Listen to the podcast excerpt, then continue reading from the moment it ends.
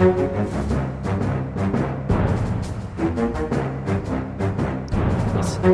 nei, men så bra. Da er vi i gang med denne ukens eh, tirsdagsaftenpodden med tema USA. Vi er på plass i et deilig studio eh, for anledningen det store det gamle TV-studio i Aftenposten, som var bygd på det tidspunkt da man trodde at eh, studioproduksjoner og og den slags talkshows var eh, framtida. Aftenposten TV skulle være framtida. ja.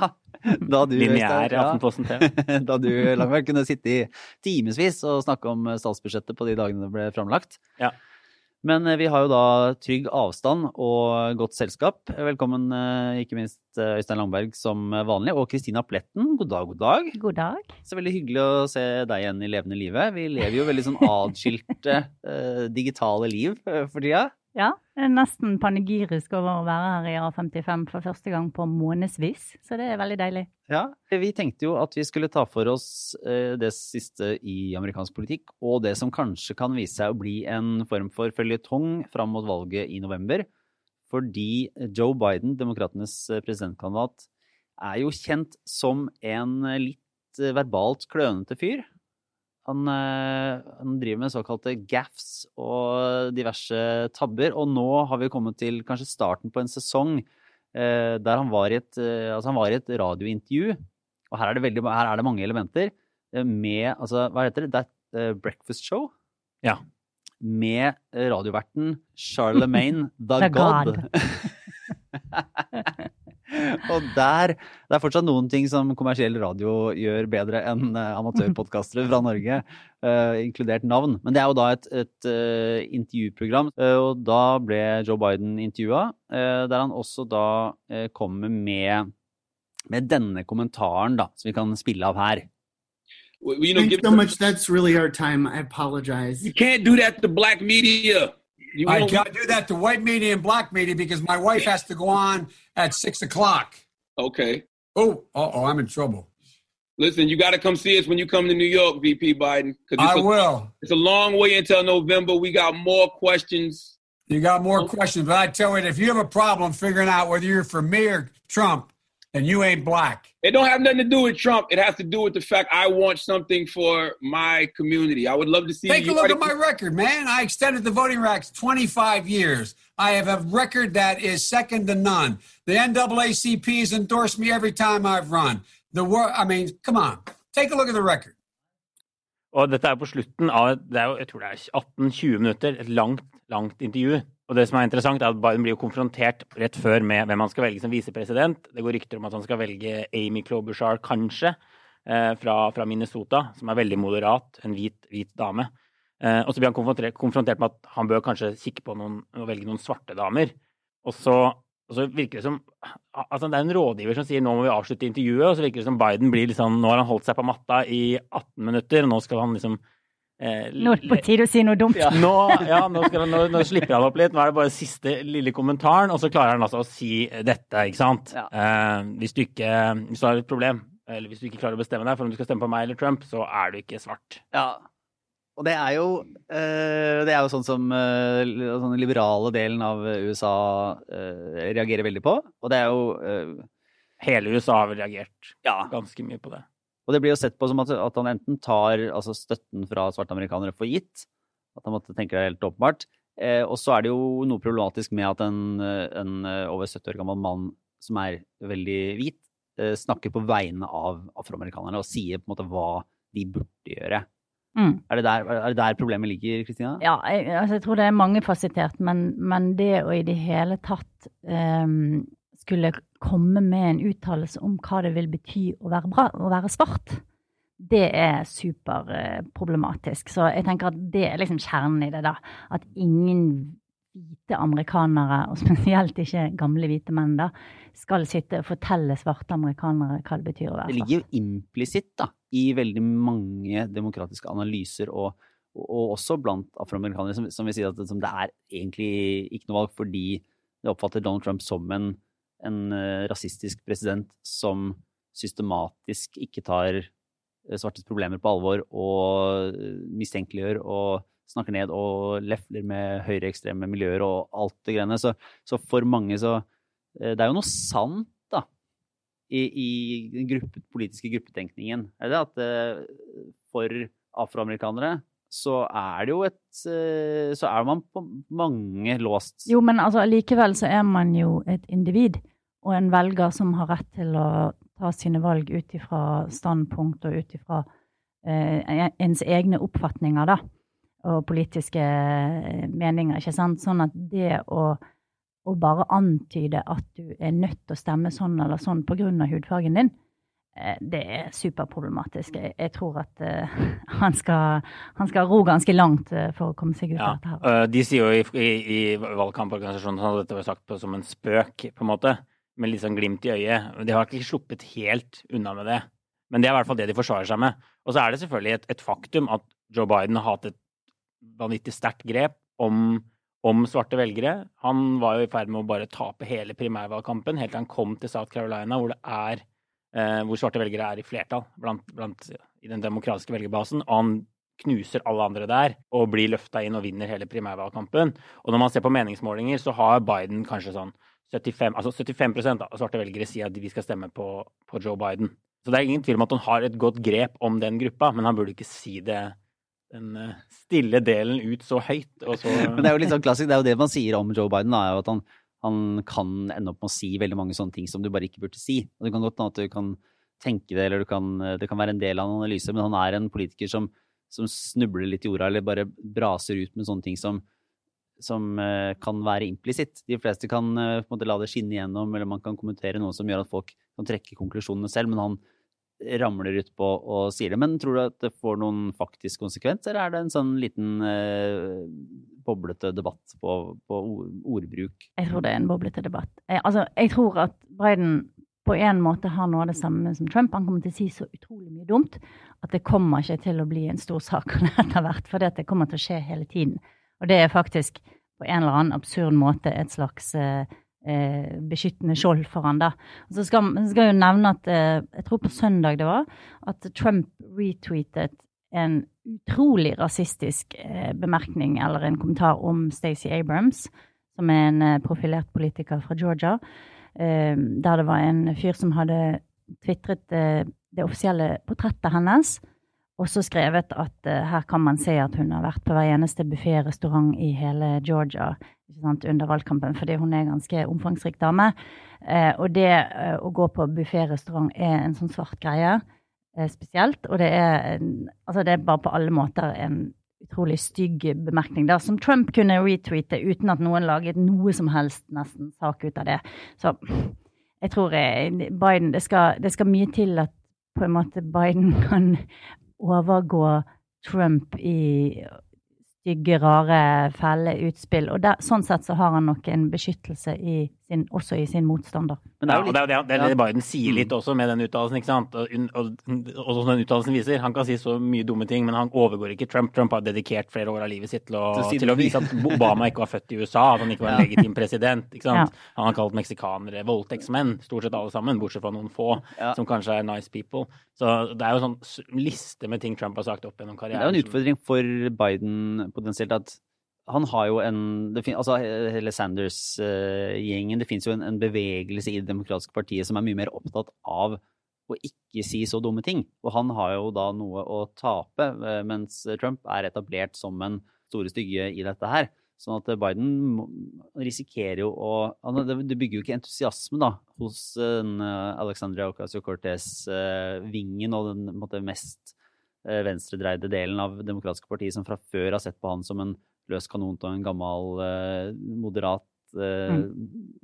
dårlig politiker. Så der kan det jo kanskje dempe engasjementet på et vis. Da. Ja, men jeg tenker at det, den delen av eh, velgerne da er hvite. Det er liksom unge, hvite personer som er mest sånn Blir fortest fornærmet av eh, den type ting som Biden sier. En del kvinner, hvite kvinner, og så har du kanskje en liten andel av svarte, så den, de der veldig politisk engasjerte, Black Lives Matter, den type folk, da.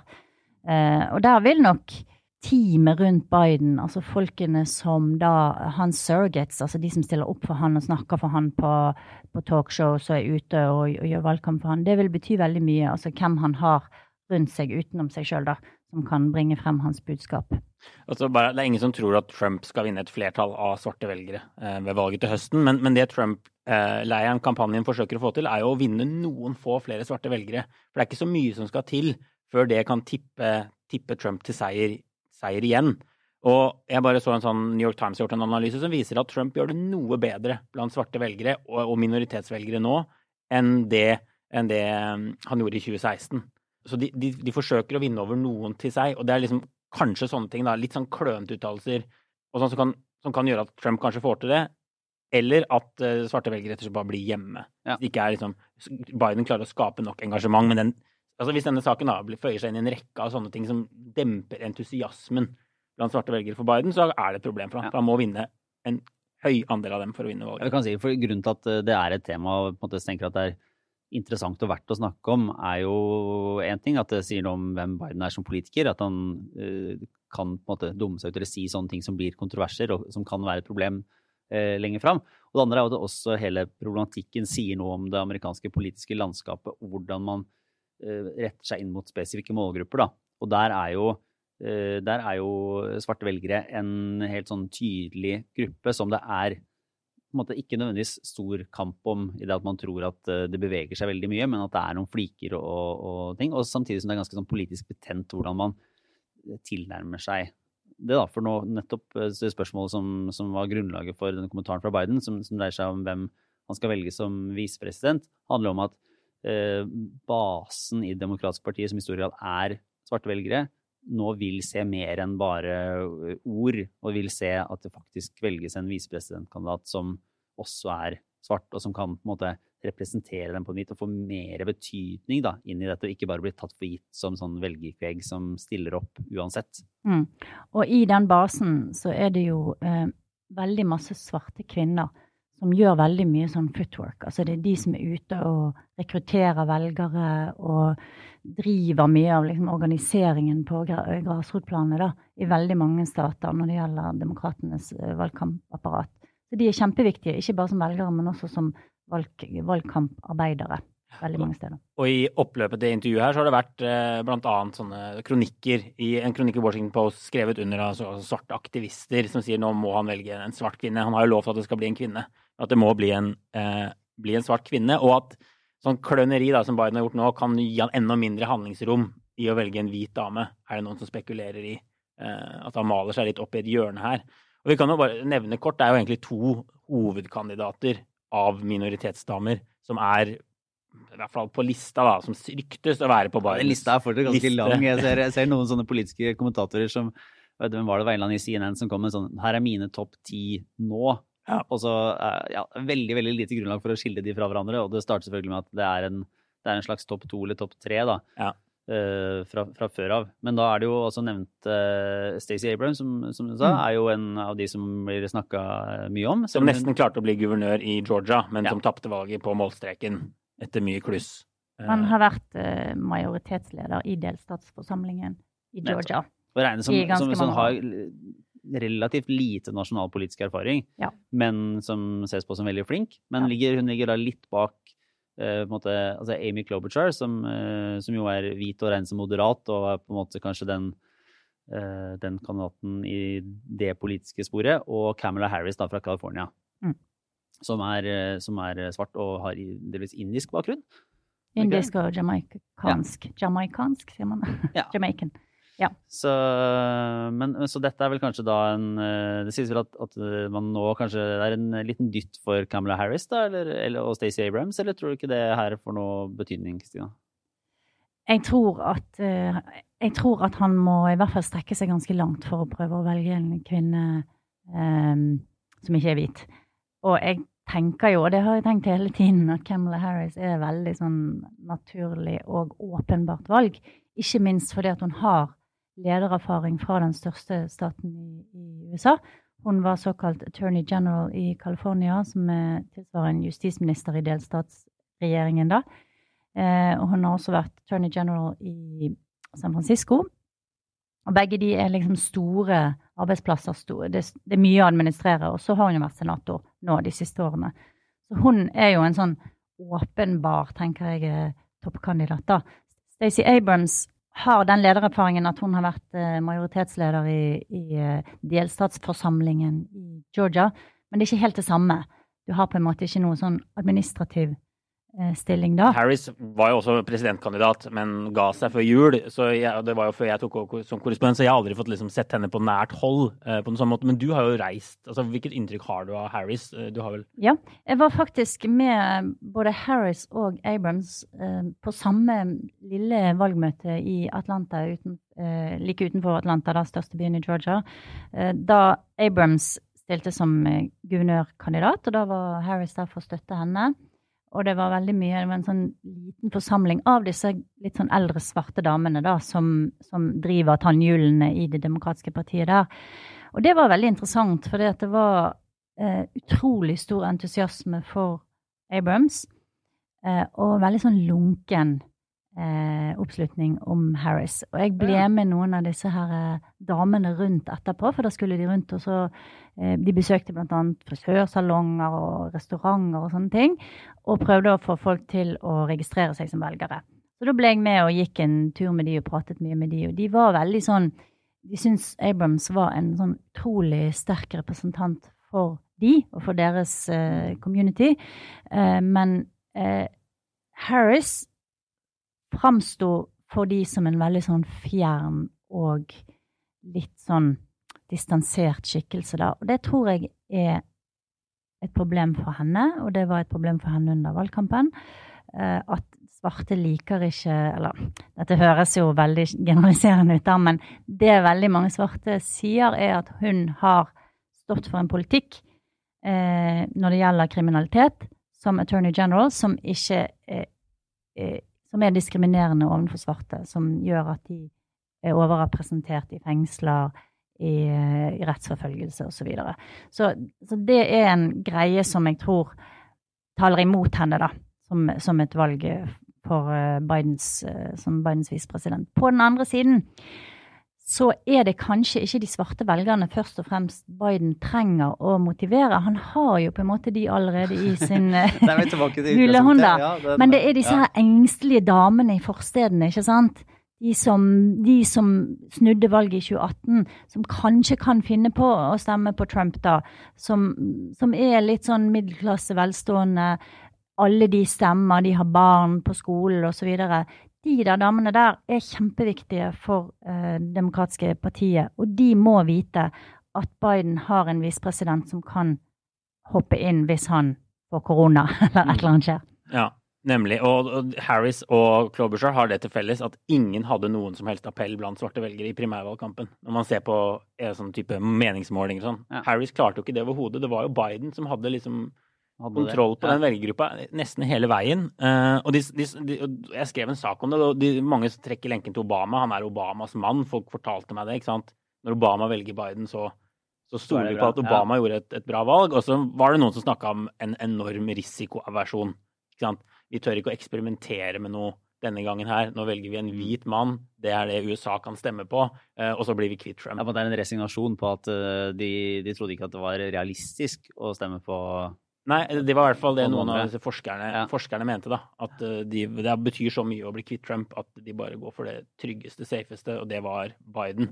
Men nå er det jo visepresident det er snakk om. Men, men jeg tror, ja. ja. Det står nok fort vekk mellom Klobuchar og Harris. Og så var det en, en, annen ting med Obama som også gjelder for Harris, og det er det at uh, de er ikke såkalt descendant of slaves. Og det er en egen uh, greie i uh, en del av det svarte community, er at du har de svarte som er innvandrere, sånn som Obama sin far var. ikke sant? Han kom fra Afrika som innvandrer, var akademiker, han hadde hvit mor. Harris sin far er fra, svart fra Jamaica, mens moren er indisk. Så ingen av de to var liksom fra en svart familie som hadde kommet som slaver og hadde den eh, sånn kulturelle bagasjen fra å være eh, ja. også sånn oppvokst som ja. Og, og Obama hadde jo Michelle, ja. som på en måte var hans eh, Hjalp han eh, Ga han ganske mye dra, drahjelp i den, i den eh, Eh, kategorien der. Mens jeg så at i begynnelsen, når det var veldig mye kampanjer mot Camilla Harris tidlig i Når er det? Er det i fjor vår, eller er det to? Ja, det var vel i fjor vår. Så var det trendet denne hashtaggen DOS, altså Descendant of Slaves.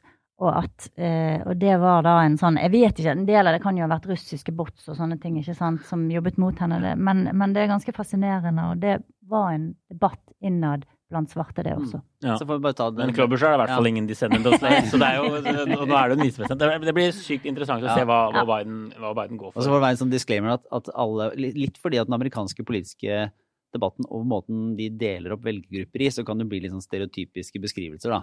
Og det, det ser man jo. Det er jo fordi de driver og, og, og deler opp grupper i sånne i ganske sånne sjablonger Ja. som, som, som, eh, og snakker veldig tydelig om hva som ja, dette mener svarte, dette mener dette, den, og den politiske virkeligheten er i den amerikanske planleggingen av valgkampen fordi de retter seg inn som målretta mot noen miljøer eh, som må vinnes i en ganske sånn grovkorna sortering på dette treffer Ja. eh, de, og sånn er, ja, sånn er den gruppa, sånn er den gruppa.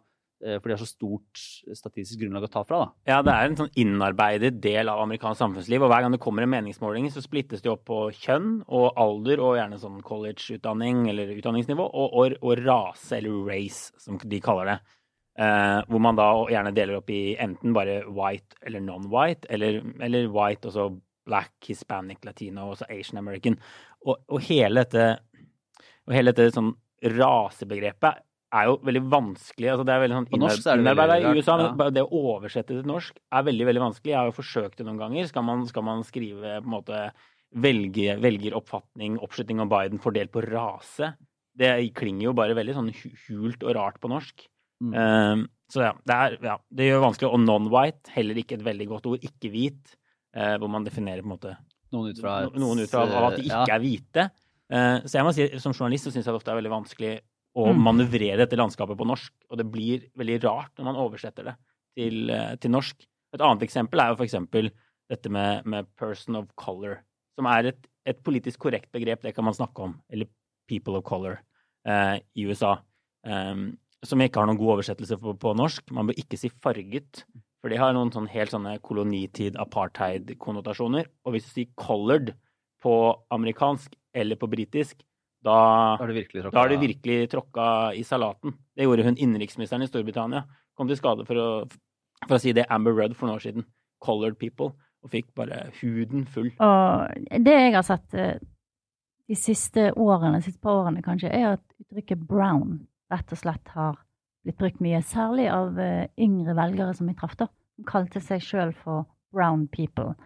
Uh, og jeg har også hørt her i Norge at man snakker om brune. Så det, det, det høres også litt sånn rart ut, men, uh, men det uh, brukes nå mye som en slags sånn sekkebetegnelse for alle som ikke er hvite. Og så har det vært en diskusjon skal asiater kalle seg for brown people. Så det, det er jo en sånn utviklende greie, dette her, som antagelig vil endre seg hele Ja. tiden. Men noe av hovedproblemet er at i det amerikanske ordet race så ligger det mer enn på en måte bare hudfarge, eller sånn som vi tenker rase. Det, det Mm. ligger en del etnisitet, en del kultur inni der. Mm. Man snakker vel om spansk etter det, latinoer.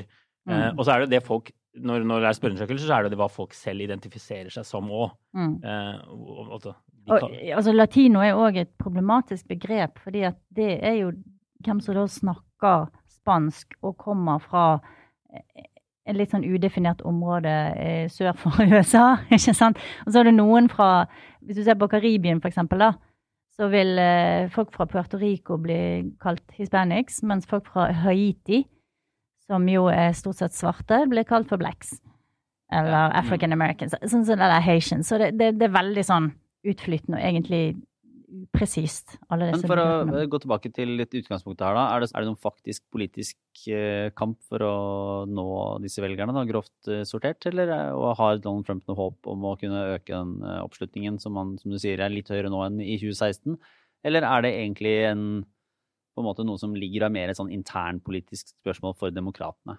Han har i hvert fall forsøkt, Trump, å, å vinne noen av de velgerne. Og det så jo ut som det var mulig. Han hadde jo en ekstremt god økonomi, og det var jo hovedargumentet hans. At eh, arbeidsledigheten blant svarte er den laveste eh, på veldig mange tiår, da.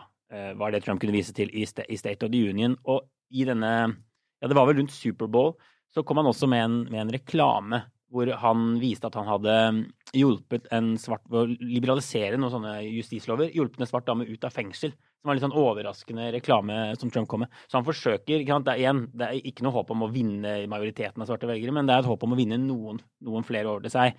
Men ja, med koronakrisen og alt som skjer nå, det er vanskelig å se for seg at det skal fungere veldig godt, tror jeg. Apropos det, så har jo du denne kriminallovgivningen som Biden gikk i bresjen for på 90-tallet, som har vært eh, en av årsakene til at så mange svarte sitter i fengsel. da.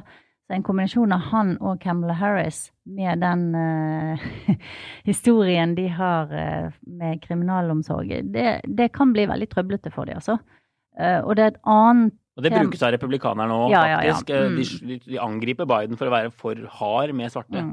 i, i, reklamer, blant annet. og, henter fram gamle klipp. Ja, og der vil de liksom ha litt trøbbel med å kanskje snakke seg ut av det som tross alt er on the record, ikke sant. Og så er det et annet tema som eh, eh, Trump har brukt som en sånn wedge issue. Jeg vet ikke hvordan jeg skal oversette det på norsk. nesten. Å, sånn, ja, splitte Ja, sånn kile, ikke ja. sant. Så mm. du kan kile inn mellom grupper. Og det er immigration, altså immigrasjon.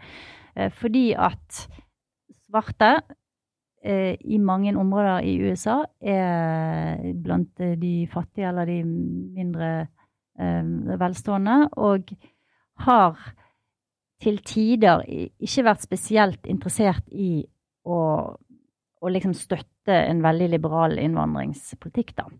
Mm. Sånn at der har Trump også forsøkt å liksom sette de gruppene opp mot hverandre. ikke sant? Altså disse her da uh, udokumenterte innvandrerne fra særlig Mexico og. Som kommer inn, ja, kommer inn og konkurrerer på et arbeidsmarked ja. Eh, på de, de lavest hengende jobbene. Da. Ikke bare det, men også legger uh, ekstra press på um, sosiale tjenester som svarte uh, også må bruke og utnytte, eller ikke utnytte, men Benytte seg av. Benytte seg av, takk. Ja.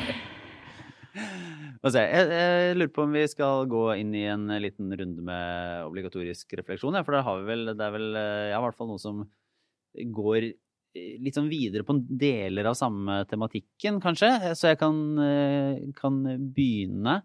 Eh, det er en, en, liten video som dukka opp på Twitter her, og som hadde fått eh, x antall 100 000 eh, videre retweets og likes og det meste.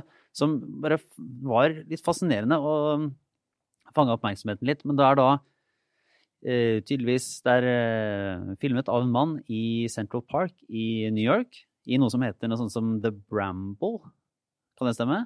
Mm, ja. Som er tydeligvis et sted der man driver med fuglekikking og var det sånn, og sånn eh, cruising. Har du det? My lips are sealed.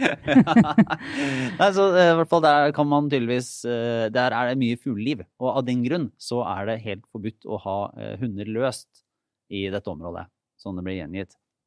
Og da var det en mann som hadde sagt fra, en svart mann som sa fra til en hvit kvinne at hun måtte ha hunden sin i bånd. Og så hadde dette, før videoen begynte, så hadde dette tydeligvis eskalert litt da, til en konflikt. Men denne videoen er da av denne dama som er uh, veldig oppskjørta og hysterisk og holder bikkja og strekker seg ned og sier da til denne mannen at uh, altså, slutt å filme meg. Slutt å filme meg. jeg ringer politiet og sier at en afroamerikansk mann truer meg.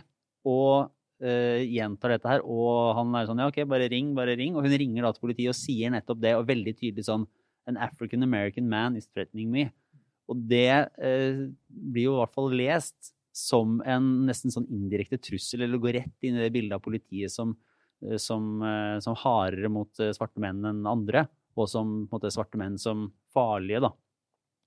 Mm. Og, og, det, det filmes videre, og det får enorm sprengkraft på sosiale medier og deles rundt og fyres opp. Og det er jo først og fremst så er det jo et fascinerende bilde og ganske sånn guffent å se noen som som enten hun er oppriktig redd eller hva det er, men eh, skrur på fortvilelsen og på en måte truer med noe som framstår som så stereotypisk, da. Så, så det er jo litt guffent. Men så ser du så Når jeg så videoen, så tenkte jeg åh, for ei fæl dame. Og så kom jo den derre gufne sosiale medier-virkeligheten inn, da. For da er det selvfølgelig noen som finner ut ok, hvem er dette her? Finner navnet hennes, finner arbeidsplassen, eh, finner ut hvor hun har fått bikkja fra. Og så, i løpet av eh, få timer eller dager, så er det jo sånn da at arbeidsplassen har jo da på en måte midlertidig suspendert henne. Eh, dette eh, hva heter det, sånn der, det hundehjemmet, eller altså der hun fikk denne omplasseringshunden fra, har kalt tilbake hunden. Eh, sånn at du får jo Du vil jo at noen som oppfører seg dårlig, skal få en eller annen form for reprimande. Men både fordi spørsmålet er så betent, da, du får både sånn, en diskusjon om rasisme og en hund, som hun eh, på en måte ikke behandler sånn spesielt pent eh, mens hun driver og holder på med alt dette her, så fyrer det opp så voldsomt. Så, så en kan jo lure på om det, hun ender opp med å bli hengt ut for millioner av mennesker og eh, kanskje miste jobben og kanskje miste bikkja. Eh, så ja, jeg vet ikke. Det er ingen, ingen vinnere i denne historien. Nei. Nei, det er jo mange, altså, Nettet er jo fullt av sånne eksempler nå. Eh, etter at man begynte å filme alt med mobilen, så har man jo på en måte Man kan jo kanskje ha levd i fornektelsen om sånn strukturell rasisme tidligere, for man har ikke sett det, man har aldri hørt om det, men nå får man det jo virkelig i ansiktet ganske ofte.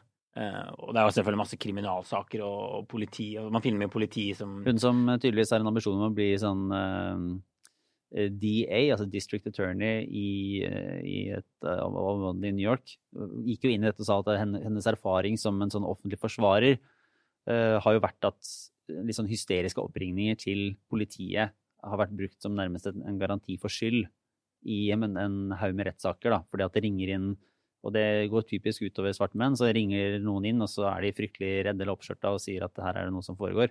Og så blir det sett på som et bevis for at det er noe som skjer. Mens når du ser fra andre enden, så kan det være en helt egentlig fredelig situasjon. Uh, og, og ønsket der fra hennes side var jo at dette skulle få, gjøre at folk får øynene opp for både en form for rasisme, antar jeg, og en sånn virkelighetsforståelsen kan, kan se ganske annerledes ut, da, hvis man, man ser, ser begge sider, og at det fins. mm. Så den var jo sånn sett interessant. Og du Kristina, har du tenkt på noe denne uka? Ja, jeg har, er det lov å ha to? Ja, ja. Veldig du skal gjøre, Det er ganske sykt kort. Ja, sykt kort. Eh, en, en litt men, men innenfor samme tema, da. En alvorlig og en litt mer flåsete. Men eh, der er jo noe som heter 1619-prosjektet. 1619 Project. Ja. Som eh, New York Times eh, laget eh, i fjor. Og som, som ser på hva rolle slavene har spilt i amerikansk historie, eller slaveriet, da. Og hvor viktig det har vært for amerikansk økonomi og oppbyggingen av hele det amerikanske samfunnet. Det er utrolig interessant. Det er en samling av essay. eh, og eh, mye sånn stæsj rundt det prosjektet. Det er en ganske svær greie. Og Men 1619 var året da den første slaven Slave- kom til USA. ja, ja. bare ja. Eh, og det, det er interessant også i, i forhold til et tema som kommer til å bli eh, eh, sentralt, eller i hvert fall viktig i valgkampen, og det er det som de kaller for reparations. Altså om etterkommerne av slaver har rett på en eller annen form for erstatning. Og det har eh, allerede vært et tema på nesten tror jeg, hver eneste demokratiske debatt. Og det er litt sånn ulike oppfatninger av hvordan eh, det skal kunne eh, la seg gjøre. Altså skal hver eh, etterkommer få en sjekk i posten? Skal pengene gå til et eller annet fond eller stiftelse, eller eh, altså, hvordan skal det praktisk løses da? Men det er en debatt som, som pågår, og som kommer til å være viktig, spesielt hvis han da velger en svart kvinne som visepresident. Og for eksempel Kamala Harris har vel sagt at hun er for reparations, så vidt jeg husker. Så det var liksom den alvorlige biten. Og hvis man vil eh, se på en TV-serie, da, som tar opp en del av disse temaene på en, syns jeg, veldig smart og god måte, så er det en show som ligger på HBO som heter The Good Fight. Som er en spin-off av en TV-serie kalt The Good Wife, som også er veldig bra. Eh, men The Good Fight syns jeg nesten er enda bedre. Det handler om et svart advokatfirma i Chicago som da slår seg sammen med en litt sånn overklasse hvit dame som selvfølgelig er superliberal og litt sånn Hillary Clinton-supporter. Og de um, Og de ja, tar for seg masse saker, og det er mye intriger sånn som det er i en advokatshow. Men, men det er virkelig kjempebra laget. Det er en av de smarteste TV-seriene som ligger der ute. Jeg kan virkelig anbefale den, da. Så da kan man liksom få eh, både den alvorlige og den litt mer sånn underholdende eh, perspektivet på Svart-Amerika. Men den eh, 16-19 Altså New York Times har en egen sånn seksjon, har de ikke Mm, det? Der alt, der alt ligger inne også. Ja. Det, tror det inkluderer en podkast eller to. Og Ja da, ja da. en fantastisk cover eh, i sin tid av, Ja. eh, på New York Times Magazine, som vel hadde en spesialutgave. Ja, ja, ja. Som, det hadde de. eh, Hele. New York Times Magazine var fullt av det. Så, men hvis man bare søker på The 1619 Project, så popper det opp. Dukker det opp. Ja.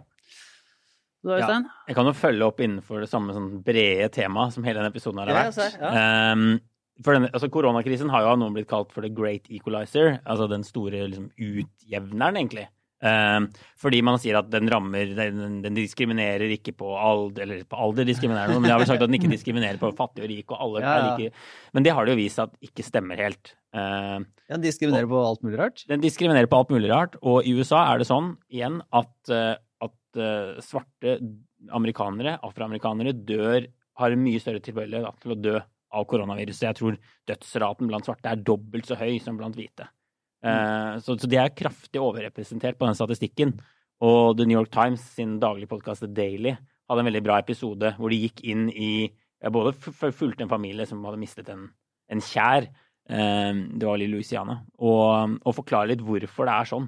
Eh, for det er jo en litt sånn pussig trekk, egentlig. Og har ganske mye da, politisk brennbarhet i seg. Nettopp. Og det er jo ikke Hvis man skulle sett grovt demokratisk og inntektsmessig, det- demografisk og inntektsmessig, så, så er det ikke Det er ikke, måte, det er ikke bare det er ikke bare inntekt eller fattigdom som slår ut.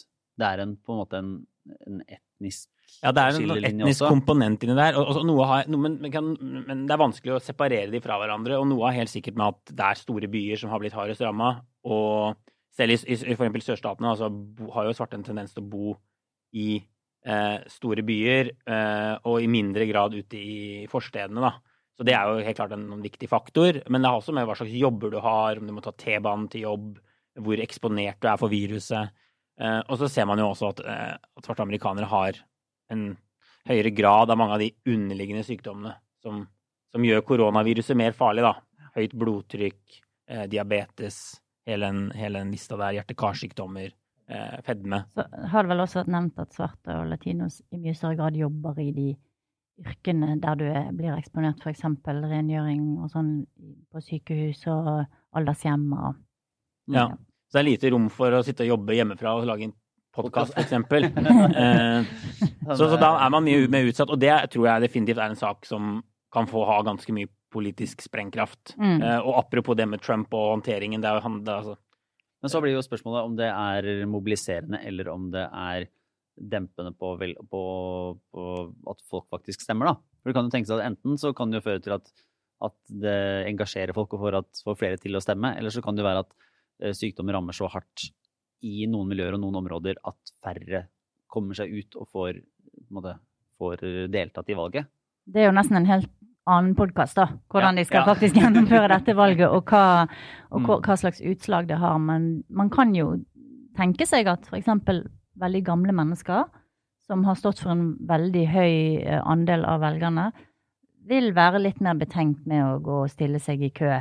Eh, Og det kan fort bli et problem for Trump. Ja, men det tror jeg faktisk vi må komme tilbake til en, eh, en senere gang, hvordan det skal arrangeres og, og avholdes. For det er jo et Ja, det er veldig Det er mange varianter og ekstremt mange politiske spørsmål i de beslutningene som tas der også. Mm. Nei, men så fint. eh, Så hyggelig å være i studio igjen, eh, folkens. Ja. Det er eh, Noe nærmer seg en vanlig arbeidsdag, på et vis.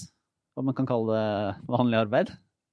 Det en litt en, en heldig arbeidsdag. Nei, men veldig bra. Takk, takk, Kristina og Øystein. Jeg var Lars Klomnes. Det var Aftenboden. Ha det bra.